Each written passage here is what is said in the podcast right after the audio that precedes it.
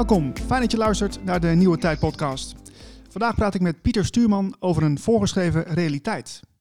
Naar aanleiding van de vorige podcast over de machten achter COVID-19 leek het mij wel een goed plan om hier een vervolg aan te geven. En sinds een ruime maand is er veel veranderd. Een aantal weken volhouden in een zogeheten intelligente lockdown, ja, dat lukt nog wel. Maar je merkt dat in binnen- en buitenland het geduld een beetje op begint te raken. En er is misschien wel uh, ruimte om eventjes op een andere manier te kijken naar wat er hier gebeurt. En dat doe ik samen met Pieter Stuurman. Pieter, welkom in de show. Dag Niels. Hi. Uh, Hi. Leuk je te horen weer. Dankjewel, dankjewel. Ja, leuk om er weer te zijn. Ja, je, je vertelde mij dat je uh, van de laatste show heb je veel reacties ontvangen. Um, zowel positief als negatief. hoe, ja. ga, hoe gaat het nu met je? Nou, met mij gaat het, gaat het uitstekend. Ehm, ja, er zijn, uh, zijn inderdaad ontzettend veel, uh, veel reacties uh, gekomen.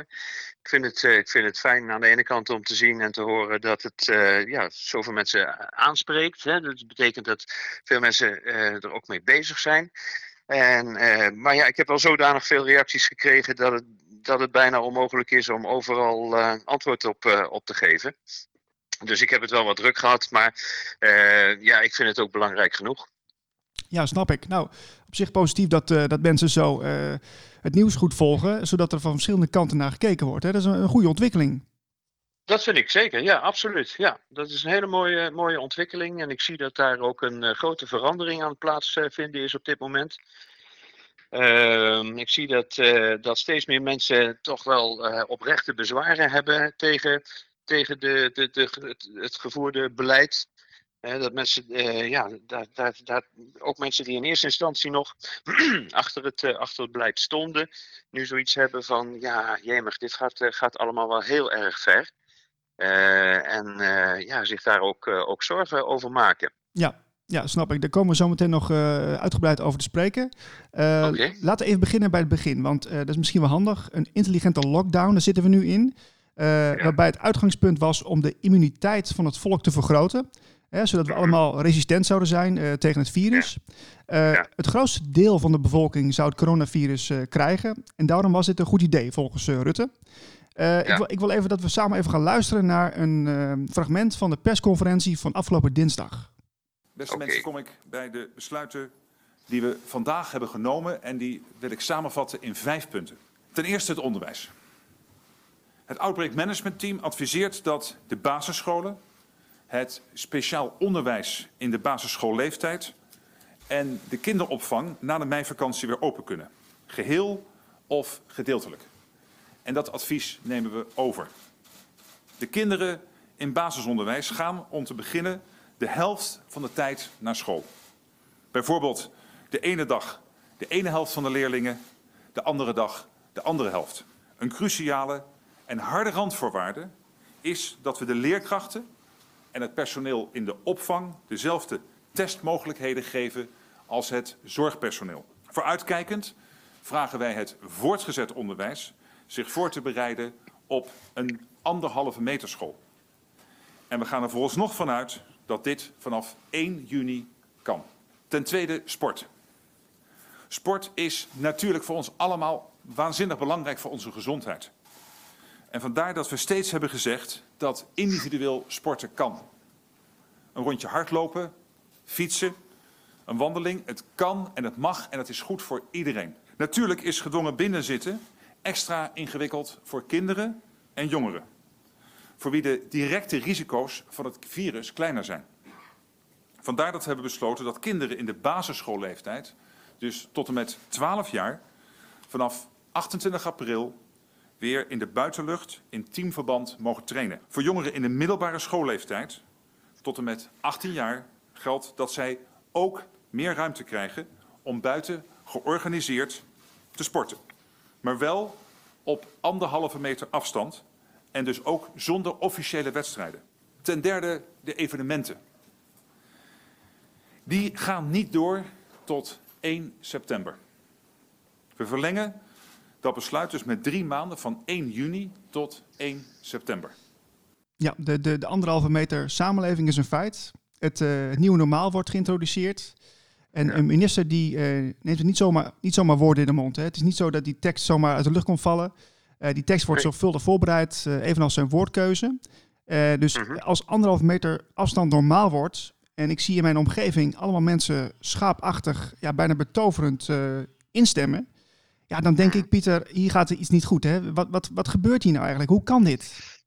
Nou ja, je bent niet de enige die, uh, die dat opmerkt, uh, Niels. Er zijn steeds meer mensen die dat, uh, die dat opmerken.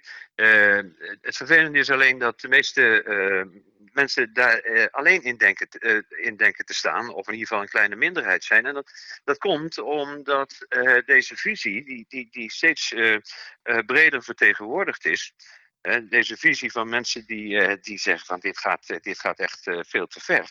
hoe kunnen we nou een, een, een, samenleving waarbij we niet meer dichter bij elkaar mogen komen dan anderhalve meter. En dat dan ook nog eens een keer gecontroleerd en gehandhaafd uh, gaat worden. Hoe kunnen we dat nou als, als normaal gaan zien? Hè? Dit, dit, dit is vernietigend mhm. voor, de, voor de, zowel de, de sociale als de economische structuur van de samenleving.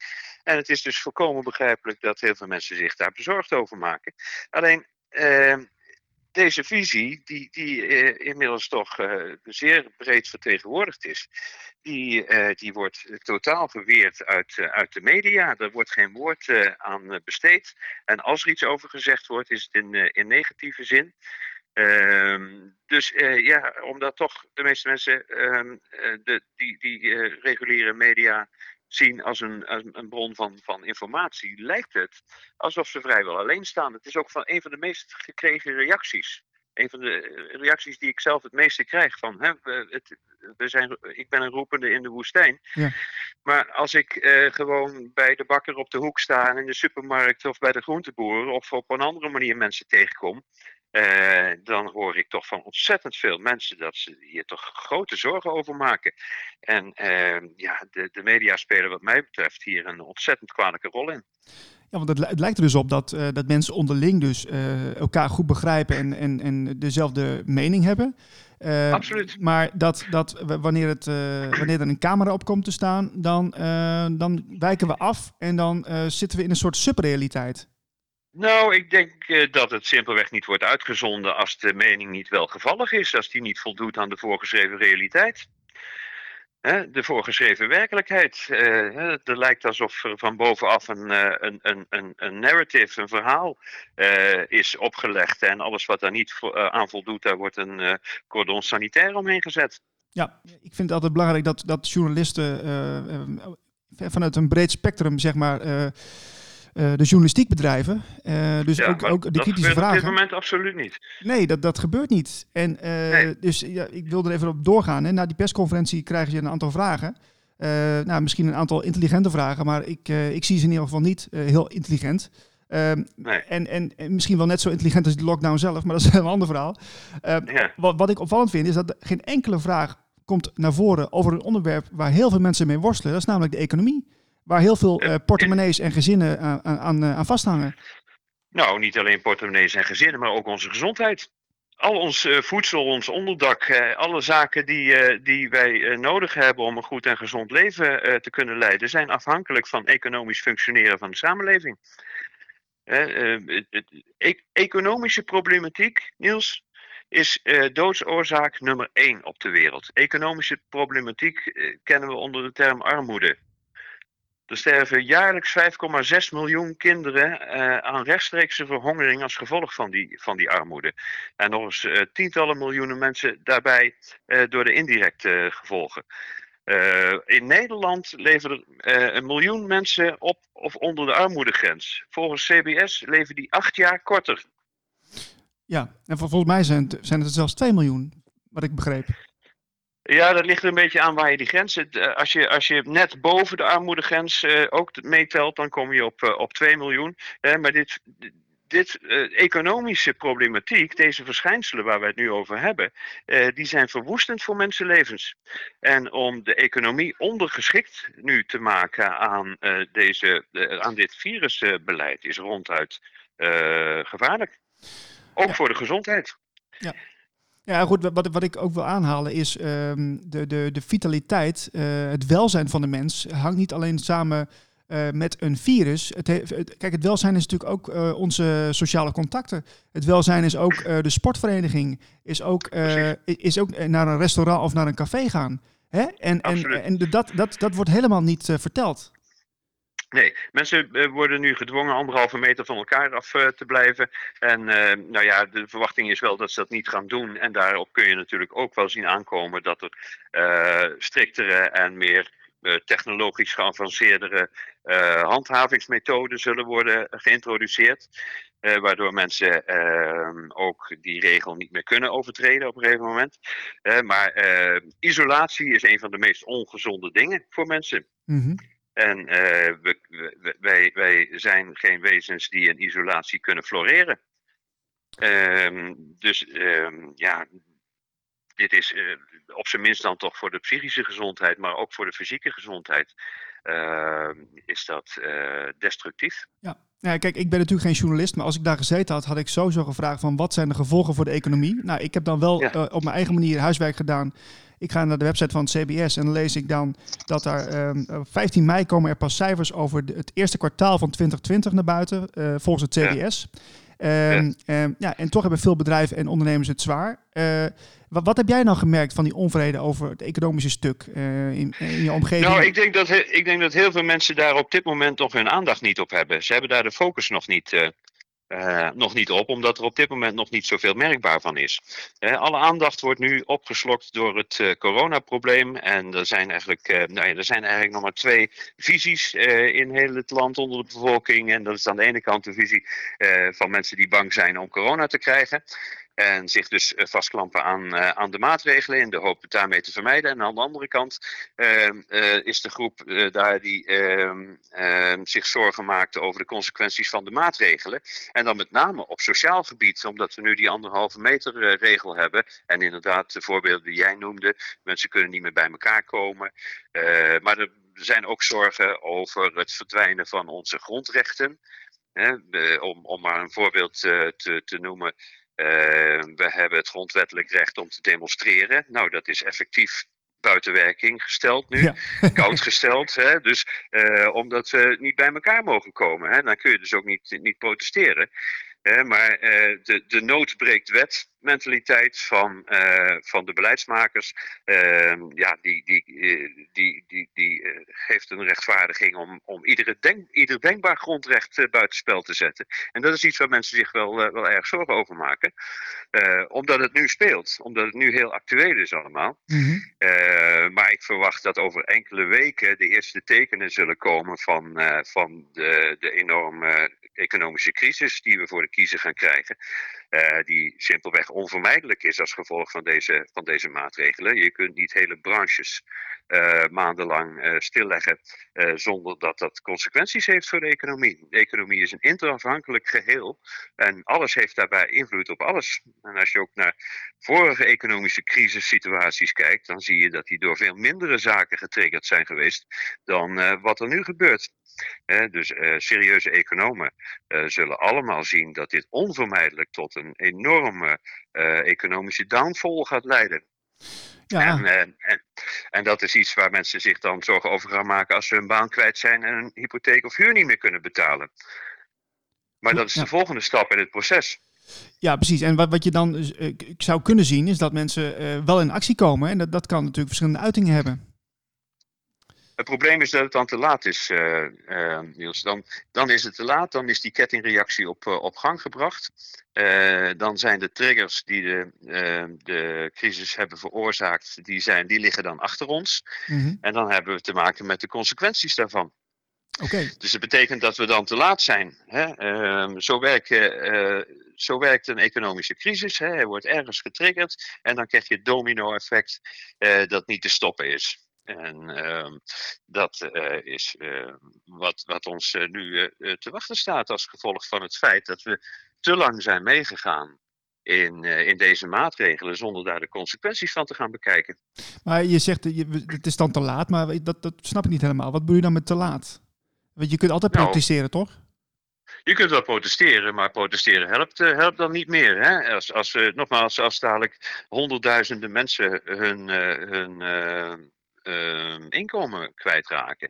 Ehm, ZZP'ers binnen kleinbedrijf, daar komen, komt een enorme golf van, van faillissementen. En samen bieden die toch nog voor meer dan 52% op dit moment werkgelegenheid in Nederland.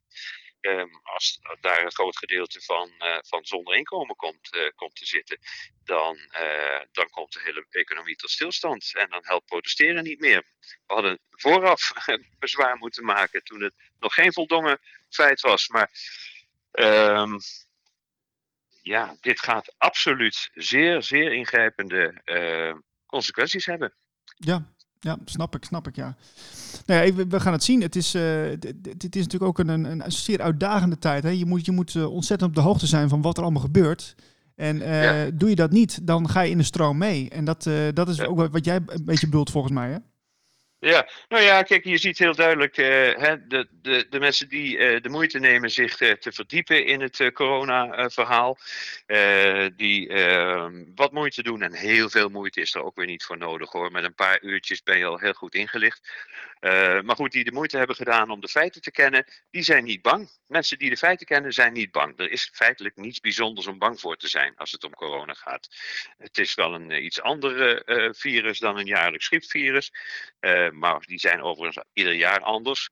Maar uh, de consequenties daarvan zijn niet veel sterker of niet veel groter of ingrijpender dan, uh, dan die van een uh, gemiddeld griepseizoen.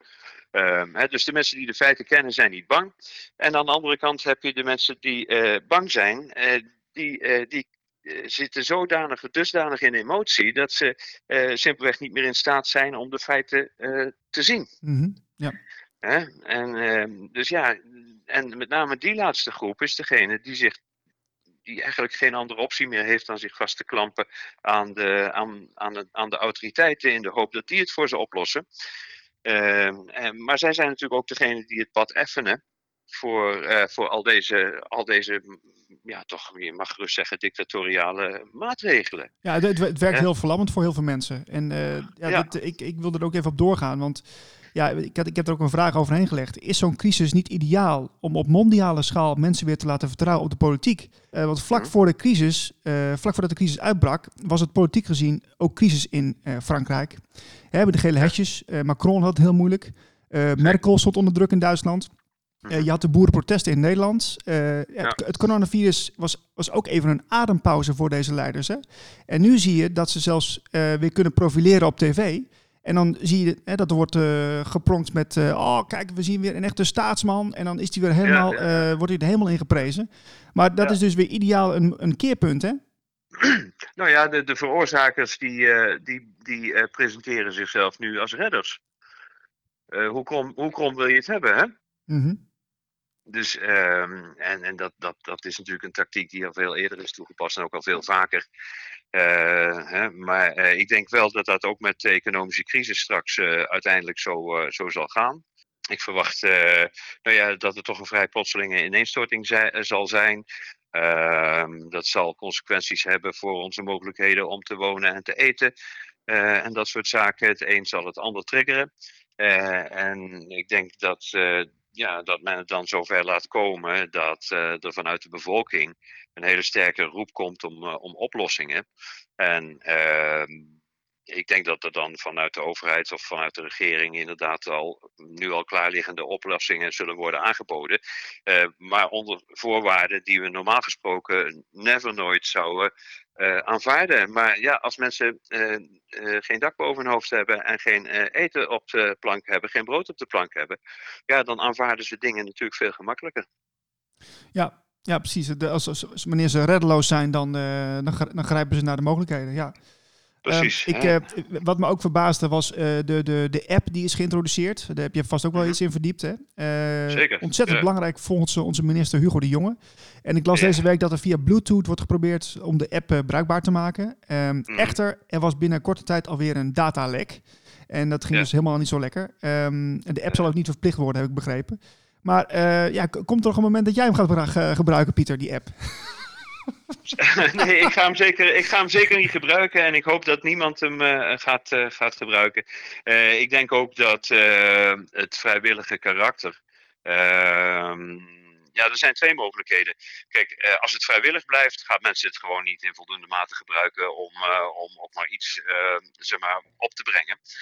Maar dat zou natuurlijk dan ook een, een aanleiding kunnen zijn om het alsnog verplicht te maken. Hè? Dat, dat, dat het, ehm, en of, of de jongen zegt van ja, zo weinig mensen gebruiken het maar, dus het werkt niet. Dus ja, we zullen er natuurlijk meer kracht bij moeten zetten. Ja, ja. door het te verplichten. Hè? Uh, meestal wordt de schuld gewoon bij de bevolking gelegd. Uh, en dat zal hier ook wel weer gebeuren. Uh, dus daar maak ik me wel zorgen over. Hè, wanneer zo'n zo'n zo'n app aangeeft, anoniem, mm -hmm. dat jij in de beurt bent geweest van iemand die, die corona besmet is. Ja, dan weet dat systeem dat. En dan uh, kun je dit ook heel gemakkelijk gebruiken voor het nieuwe normaal, namelijk die anderhalve meter afstand. Ja. Uh, hoe, hoe, wil je dat handhaven als overheid? Nou, dit is natuurlijk een ideaal middel als uh, iedereen verplicht met een, een smartphone moet lopen met een verplichte app die afstanden meet tussen mensen. Nou, dan is automatisch handhaven en automatisch verbieden een fluitje van een cent. Ja, maar nieuw normaal op die manier zeg maar controleren, dat, is, dat, dat vergt volgens mij heel veel capaciteit. Uh, en Bluetooth is daar helemaal niet uh, sterk genoeg voor. Die, die, je gaat maar over tientallen meters, begreep ik. Uh, ja. dus, dus dan zou je naar een andere technologie toe moeten. Nou, kijk, als de, Bluetooth, als de Bluetooth uh, ontdekt dat je dichterbij iemand geweest bent dan anderhalve meter, dan is dat door het systeem natuurlijk wel. die, die weet op, die, jouw telefoon weet dat het jouw telefoon is. En um, dat is nogal makkelijk te koppelen aan een centraal systeem. Ja, maar ik, ik, heb, ja, ik heb andere informatie. Ik hoorde dat, het, dat, eh, dat ze nu al helemaal uh, klaar mee waren met dat Bluetooth. Maar ja. Dus dat is, ja, nou ja, we zullen, we zullen het zien. Hè, we zullen het zien. Uh, ik weet wel dat er een, een, een, een ontwikkeling gaande is. Niet alleen nu met corona, hoor, maar eigenlijk al een hele tijd. Waar ehm, toegewerkt wordt naar een situatie waarin handhaving, wat nu door bijvoorbeeld politie gebeurt, op elektronische manier moet worden eh, bewerkstelligd. En waarbij eh, het controleren van de, van de bevolking eh, op een helemaal 100% technologische en volautomatische manier is. Hè. Ik, bedoel, mm kende dat verschijnsel bijvoorbeeld in heel eenvoudig door flitskasten langs de snelwegen te plaatsen of langs de wegen te plaatsen. Ja. En vroeger stond daar een agent. De, bruik, of de, de beschikbaar, beschikbare nieuwe technologie en met name ook de infrastructuren zoals 5G bijvoorbeeld, uh, lenen zich natuurlijk uitstekend uh, voor dit soort uh, zaken. Ja, nee, absoluut. Ik heb daar ook al een andere podcast opgenomen met Carolien Schoneveld. en ja, die mhm. vertelde dat er veel meer, ja, veel meer capaciteit zou moeten zijn als zo'n technologie als 5G operationeel zou worden. En die capaciteit zal zeker gebruikt worden voor contro controledoeleinden. Dat is, er, is, er is eigenlijk in de loop van onze geschiedenis nooit een technologie beschikbaar gekomen die niet gebruikt is ehm, als uh, machtsmiddel. Nee, precies. Maar dus, dus wat we nu kunnen constateren is dat uh, het coronavirus niet alleen maar om het virus gaat. Er gebeurt natuurlijk zoveel omheen. En dat is dus uh, de, de verdieping die we in, in, in, deze podcast ook wel een beetje willen geven. Van ja, we hebben het over het nieuwe normaal. Hè, uh, ja. de, de voorgeschreven realiteit. Maar daar hangt zoveel omheen, zoveel aspecten. Uh, ja. Ja, ik zie ook gewoon dat er uh, vanuit, vanuit, uh, vanuit de regering wordt er echt met een tunnelvisie gekeken naar oplossingen. Nou, uh, ik, het lijkt er heel sterk op dat uh, de regering hier een, een onderliggende agenda heeft. Uh, dat het niet primair gaat over het voorkomen van ziek worden of überhaupt over gezondheid. maar dat het gaat om het vinden van excuses om een aantal structurele veranderingen aan te brengen binnen de samenleving. Veranderingen die niet geaccepteerd zouden worden door het publiek als er geen sprake zou zijn van zogenaamde overmacht. En dus is een overmachtssituatie dan noodzakelijk om ze, om ze geaccepteerd te krijgen. Ja, dat, dat lijkt erop. Ja, dat lijkt er wel op. Ja, en je ziet ook dat in alle landen vergelijkbare dingen gebeuren. Bij de een wat meer en bij de ander wat minder. maar het is allemaal gebaseerd op, op, de, op het idee dat we te maken zouden hebben met een enorme bedreiging voor onze gezondheid. En eh, de bereidheid van de bevolking om daarvoor hun, eh, haar vrijheid in, eh, in te leveren. maar ja, ehm, een bevolking die haar vrijheid inlevert, die zal zowel haar gezondheid als haar vrijheid verliezen. Hè. Daar hebben we het in het begin van het gesprek net over gehad. Mhm. Vrijheid is een absolute voorwaarde om gezond te kunnen leven. Ja, en toch... Dus eh, een overheid, een overheid die, eh, die eh, ehm, veiligheid eh, in de aanbieding heeft, of gezondheid in de aanbieding, maar daarvoor vrijheid in ruil vraagt, eh, is eh, per definitie naar mijn smaak malafide. Ja, en staat niet in dienst van. Is dat niet in dienst van? Nee, zeker niet. Absoluut niet. Nee? Dus ik, ik vind dat we daar veel alerter op eh, zouden moeten zijn eh, met ons allen. Ehm, en ja, nogmaals, het is natuurlijk niet de eerste keer ge- eh, geweest dat eh, de bevolking zich heeft laten onderwerpen onder allerlei valse voorwendselen. Eh, onze menselijke geschiedenis staat er letterlijk bol van. Dus we zouden, wat mij betreft, daar onderhand toch een stuk alerter op mogen zijn. Ja, nee, je, ziet, je ziet dus de Nederlandse maatregelen. Ik wil ook even naar de andere landen kijken om ons heen. Dat is wel goed voor het vergelijkingsmateriaal. Ja. Top epidemioloog eh, Johan Gieseke, die heeft een heel mooi interview afgegeven een paar dagen geleden. En eh, deze wetenschapper is ondertussen 70 en met pensioen, maar was de allereerste chief scientist van de Europees, eh, het Europees Centrum voor eh, Ziektepreventie. En eh, heeft ook bij de WHO gewerkt. Dus zeker een, een, een man die, die wel weet waar hij het over heeft. Ehm, Ja. Hij geeft aan dat het onderzoek waarop veel landen zich baseren niet wetenschappelijk is. Dus dat betekent Ja. niet, niet evidence-based. Dat betekent gebaseerd op gegevens uit Ja. kwalitatief of kwantitatief wetenschappelijk onderzoek. En, Precies. en het is ook niet gecontroleerd door andere wetenschappers. Dat betekent dus niet eh, peer-reviewed.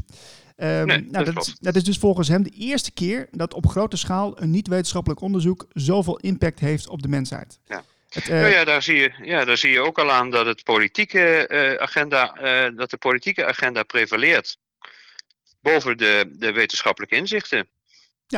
Ja, dat is, dat is een heel duidelijk verhaal. En het, het, het enige wat wel wetenschappelijk is, dat vond ik wel heel geestig. Wat, wat denk jij dan het enige stukje is wat wetenschappelijk is in, in, het, eh, in, in, hetgene wat we nu doen? Wat wetenschappelijk is, ik, ik weet niet precies, ik heb het interview wel gezien, maar ik weet niet precies waar je op doelt, Oké. Niels. Nou ja, we, we, zitten nu in de lockdown. Wat, wat is het enige wat wetenschappelijk onderbouwd is wat ons zou helpen op dit moment? We, we- zijn wel aan het doen. Wat denk jij dat het is? Ik eh, weet er zo gauw geen antwoord op, maar misschien, misschien wil je me een voorzet geven. Het heeft met je handen te maken. Nee, nee, nee, ik weet niet waar je naartoe wil. Ik weet niet waar je naartoe wil, Niels. Zeg het maar gewoon. Handen wassen. Dat is wetenschappelijk onderbouwd. Oh, op die manier. Ja, ja. Jongen, jongen. ja goed, dat, dat, dat, is, Ja, dat ja. is natuurlijk zo. Ik bedoel, eh, kijk, we zitten de hele dag met onze handen overal aan. En eh, ehm, ja, je handen zijn het meest smerige deel van je lichaam. Dus als je, het- lijkt me sowieso een goede praktijk om die regelmatig eh, te wassen. hè. Iedereen met een klein beetje verantwoordelijkheidsgevoel doet dat uit zichzelf. Ik wilde even een stukje laten horen van het interview. en dan ehm, kunnen we daar weer eventjes op doorgaan eh, borduren. Want het, het geeft hele interessante inzichten over nou ja, hoe je als land een, eh, een virus kan aanpakken. I think what we're seeing is a tsunami of a usually quite mild disease, which is sweeping over Europe. And some countries do this, and some countries do that, and some countries do don't do that. And in the end, there will be very, very little difference. So when you say it's a usually quite mild disease, are, are you what do you mean by that? That most people who get it will never even notice they were infected. So does that mean that you think the actual fatality rate of this disease is, is much lower than the numbers that have been talked about? Much, much lower. So do you have uh, have you made any speculations as to what sort of um, zone the real fatality rate might be in? Uh, I think it will be like a severe influenza season, the same as uh, which would be uh, on the order of 0.1% maybe. So that would suggest then for a country like the UK that has already had is heading towards 20,000 deaths, that would suggest that millions, many millions of people have already had it. Yes. And you believe is, do you think that is also true in Sweden then that a, that a substantial percentage of the population has had it? Yep. I'm rather certain of that actually. And when we get, we don't have the tests really yet. As you know, you, you have these two kinds, you know this, don't you? Two kinds of tests. Yeah. One, one that tells that you have it now, and another one that tells you that you had it at some point before, an immunity or serology test. And they are just being developed and they're just being employed. I know uh, from discussions with, with friends in the UK that you started last week with 30 3,500 such tests and you will go on with eight in one week. and then it will be about 8,000 per week. And when you get tests that show if people had had the disease, you'll see that most of them never even dreamt they had it. But but we don't have yet any effective antibody tests. I don't think. No. You're right, but it's coming. But it, you're confident that we will get those tests. I mean, they will. Oh yes, that's a matter of time. And and so, what sort of percentage of the population do you think we will discover has had it once once we get mass antibody testing in place? At least half. In the United Kingdom, or do you mean in Sweden as well? Both countries. Ja, wat je dus hoort is dat hij, uh, dat hij zegt van ja, waarschijnlijk hebben de meeste mensen het, uh, het virus al uh, bij zich gedragen en of krijgt het nog. Dus dat betekent ja, ja dat, ja, dat, dat, dat, het, ja, dat het iets anders in elkaar zit dan, dan ons wordt verteld. En um, ja. het, het, is heel wonderlijk dat, dat, dat die maatregelen zo uiteenlopen, terwijl het, het in die end niet zo heel veel uitmaakt. Precies. Nou ja, die maatregelen, de, de enige conclusie die je daar aan kunt trekken is dat de maatregelen geen effect hebben. Anders zouden strengere maatregelen andere effecten hebben dan, landen, dan in landen waar nauwelijks maatregelen uh, zijn. En dat is ook volkomen logisch, uh, omdat die maatregelen die kunnen ook geen, uh, geen invloed hebben op de ontwikkeling van een virusepidemie. Als je een virusepidemie bekijkt, welke dan ook van ieder jaar, dan is daar een curve van opkomen, climax en weer verdwijnen. en dat is een volkomen natuurlijk verschijnsel dat zich jaarlijks repeteert. En uh, het verdwijnt onder invloed van inderdaad van de, van de, van de opgebouwde immuniteit. Hè. Ons lichaam bouwt immuniteit op als er het een uh, vreemd virus uh, detecteert. Uh, en ehm, ja, als je een werkend immuunsysteem hebt, dan, eh, dan geeft dat verder niet veel. maar de enige manier waarop een virus weer verdwijnt, is als er nou ja, voldoende immuniteit onder, onder de hele groep ontstaat. Um, dat is de enige manier waarop je het kunt laten verdwijnen. dus als je mensen gaat isoleren van elkaar, dan zal die immuniteit minder snel opbouwen en dan duurt de epidemie dus langer. Ja. Maar uiteindelijk uh, is het noodzakelijk dat het iedereen of bijna iedereen ermee geconfronteerd is geweest, zodat die groepsimmuniteit kan worden opgebouwd. En uh, ja, dat wordt dus nu, nu verhinderd waar je voor zou kunnen kiezen is natuurlijk om juist de epidemie zo snel mogelijk te laten verlopen.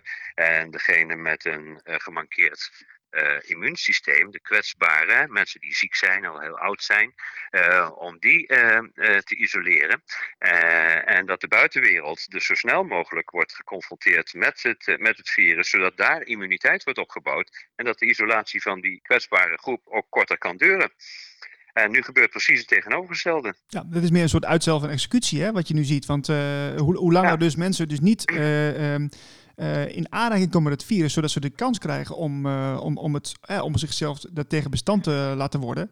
Ja. ja, dan, dan, dan duurt het veel langer natuurlijk. Ja, het is heel simpel. Ja, dan duurt, dan duurt het inderdaad veel langer. Hè? Dus ehm, kijk, die, die maatregelen die hebben geen effect op het, op het aantal slachtoffers. Ehm, dat zie je inderdaad doordat er geen verschil is tussen bijvoorbeeld uh, in percentages dan, hè, tussen bijvoorbeeld Zweden en landen waar uh, heel draconische maatregelen zijn. Ook in België zijn de maatregelen nog ernstiger en nog vernietigender dan, dan in Nederland. En ook daar zie je tussen Nederland en België geen verschil. Dus dat betekent dat die maatregelen simpelweg geen effect hebben. En nogmaals, iedereen die zich een klein beetje verdiept in wat een virus is, hoe het zich gedraagt en hoe een virusepidemie zich ontwikkelt en hoe die weer weggaat, die weet dat. Uh, dus dat betekent dat regeringen dat ook weten, of in ieder geval kunnen weten. Uh, nou, op zijn minst zouden moeten weten voordat ze dit soort uh, draconische en vernietigende maatregelen doorvoeren.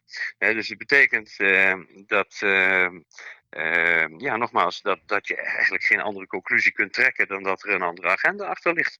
Ja, dat was ook, uh, daar, daar, kom ik dus eigenlijk ook op uit. ja, ja dat, dat moet haast wel. En ja, je, je kunt natuurlijk wel een beetje verder kijken naar um, de verbanden die er worden gelegd hè, tussen uh, het RIVM en het, uh, de World Health Organization. En nou, ja. welke mensen daarachter zitten. ja, de, welke belangen ook. Hè?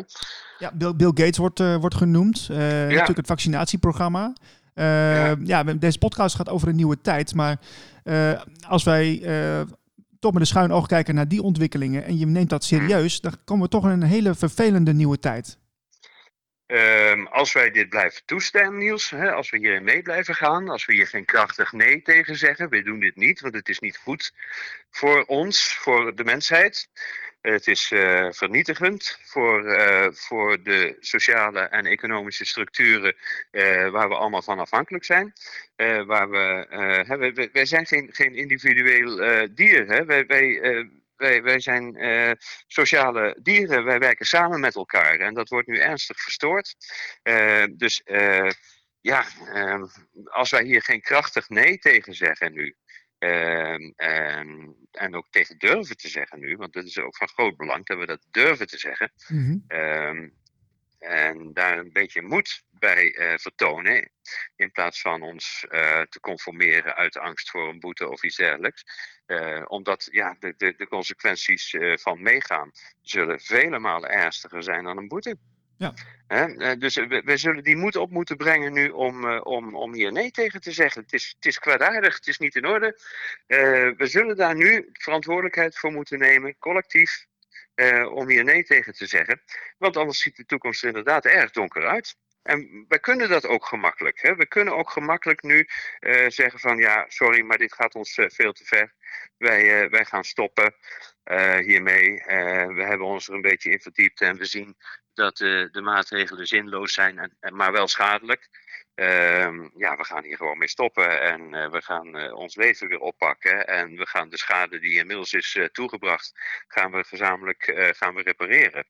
Ehm, dat is simpelweg een noodzaak, Niels. Ja, en, en, en dus het is eigenlijk gewoon weer hervatten van het oude wat we hadden. Uh, maar dan met verbeteringen. We hebben natuurlijk nu wel geleerd uh, hoe ontzettend kwetsbaar we onszelf uh, maken als wij een, ons lot in handen leggen van een kleine club bestuurders. En als we die bevoegdheden geven om um, ons te bestraffen bijvoorbeeld, of om ons te dwingen tot zaken. Ehm, en ik denk dat we dat ook eens grondig moeten herzien.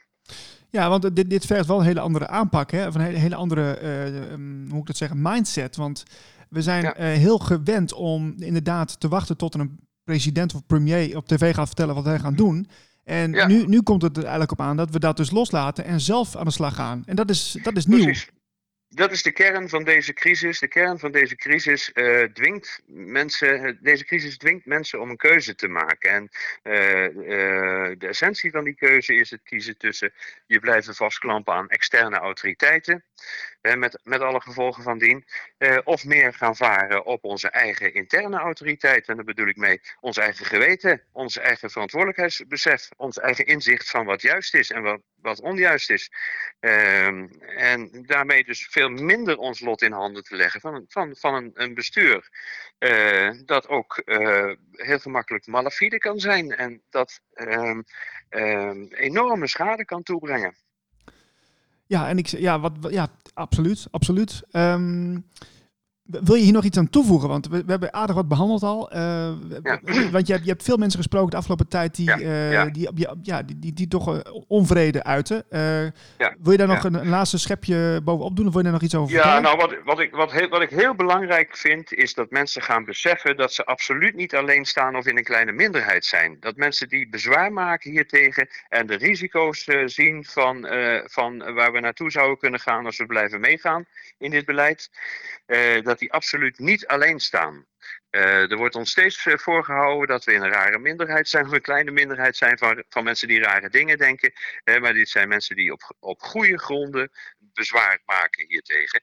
En ze staan absoluut niet alleen. We zijn zeker niet meer in een kleine minderheid. En ja, samen kunnen wij ontzettend veel. Ehm, dus laat je daar niet door, door ontmoedigen. Uh, mij lijkt het geen goed idee om uh, naar Den Haag te trekken en uh, daar te gaan, gaan protesteren.